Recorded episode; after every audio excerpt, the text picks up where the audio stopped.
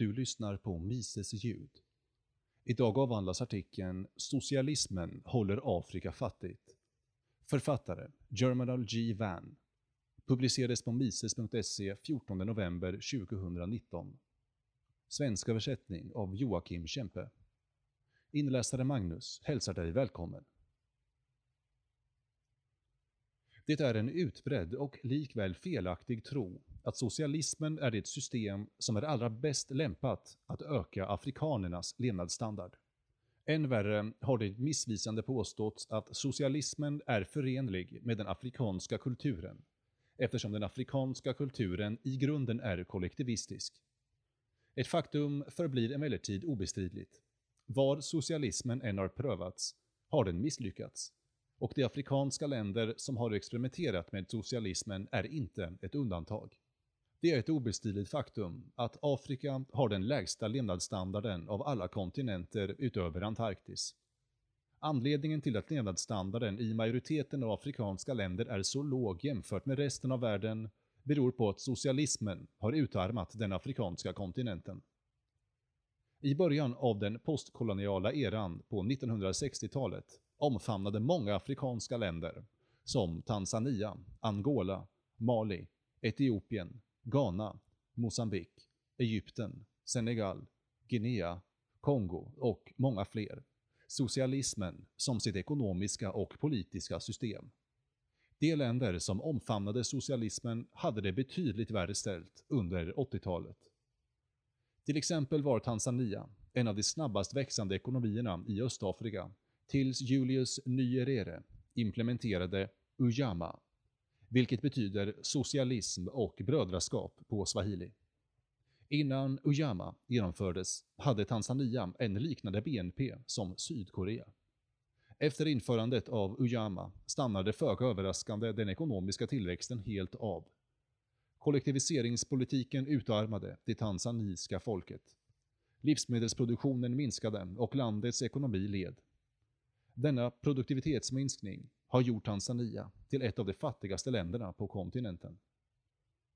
I Ghana, under ledning av Kwame Nkrumah, som var en av de främsta afrikanska politiska ledarna under den postkoloniala eran, implementerades socialismen också som landets ekonomiska system. Socialismen, som en del i Nkrumahs sjuåriga inrikespolitiska utvecklingsplan, skulle drivas mot ett fullständigt statligt ägande av ekonomin.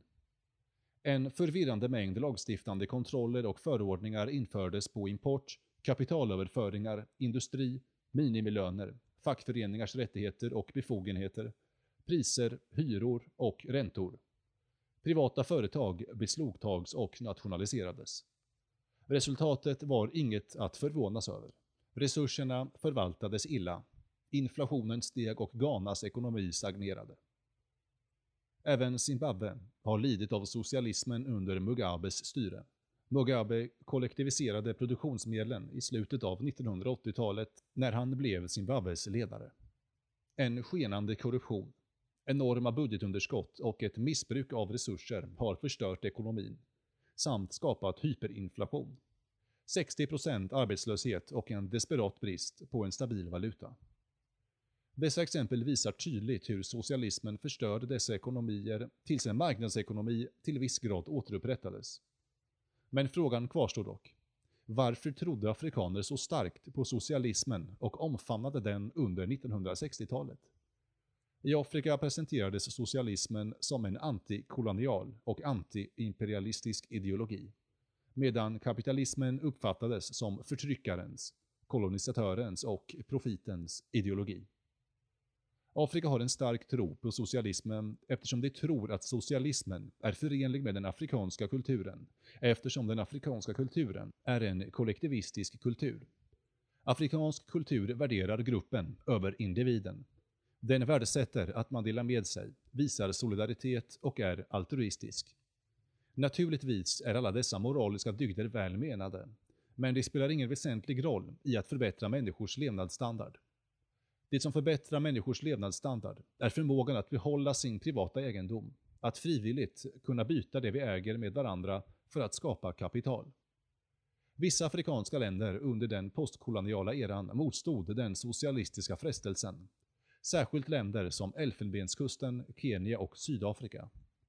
Till exempel var Elfenbenskusten på 60 och 70-talet det mest ekonomiskt avancerade landet i Västafrika.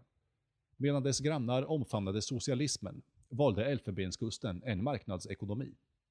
Trots att det hade en auktoritär politisk regim, vilket alla afrikanska länder under den tiden hade, var det ivorianska folket likväl ekonomiskt fria. De hade friheten att skapa företag och utvidga sin privata egendom. Från 1960 till 1979 växte BNP i Elfenbenskusten med 8,1% per år, vilket innebar att folkets genomsnittsinkomst ökade från 595 dollar till 1114 dollar. Elfenbenskustens ekonomiska expansion under den perioden kallades det ivorianska miraklet, eftersom landet exporterade jordbruksvaror till sina grannländer som led brist på livsmedelsproduktion på grund av deras socialistiska politik. Det ivorianska miraklet gjorde Elfenbenskusten till den mest välmående nationen i Västafrika mellan 1960 och 1980. Vad afrikaner har misslyckats med att förstå är att kapitalismen och den fria marknaden inte alls är något som är inneboende i den västerländska kulturen. Det är något som är inneboende i människans natur, oavsett ras, etnicitet eller lokal kultur. Socialismen har misslyckats i Afrika eftersom den alltid misslyckas, oavsett om det rör sig om Östeuropa, Indien, Kina eller Sydamerika. Även om Afrika kulturellt sett är kollektivistiskt, är det viktigt att förstå att en grupp är en samling individer, där varje individ inom gruppen drivs av en strävan att uppnå sina egna mål. Att sträva efter egna intressen är något inneboende mänskligt och ingen central myndighet kan förändra detta. Trots den afrikanska kulturens kollektivistiska natur är den afrikanska kulturen inte undantagen lagen om människans natur. Att försöka få människan att göra något som inte är i harmoni med människans natur kommer oundvikligen att misslyckas. Det är därför socialismen alltid misslyckas, oavsett var i världen vi hittar den.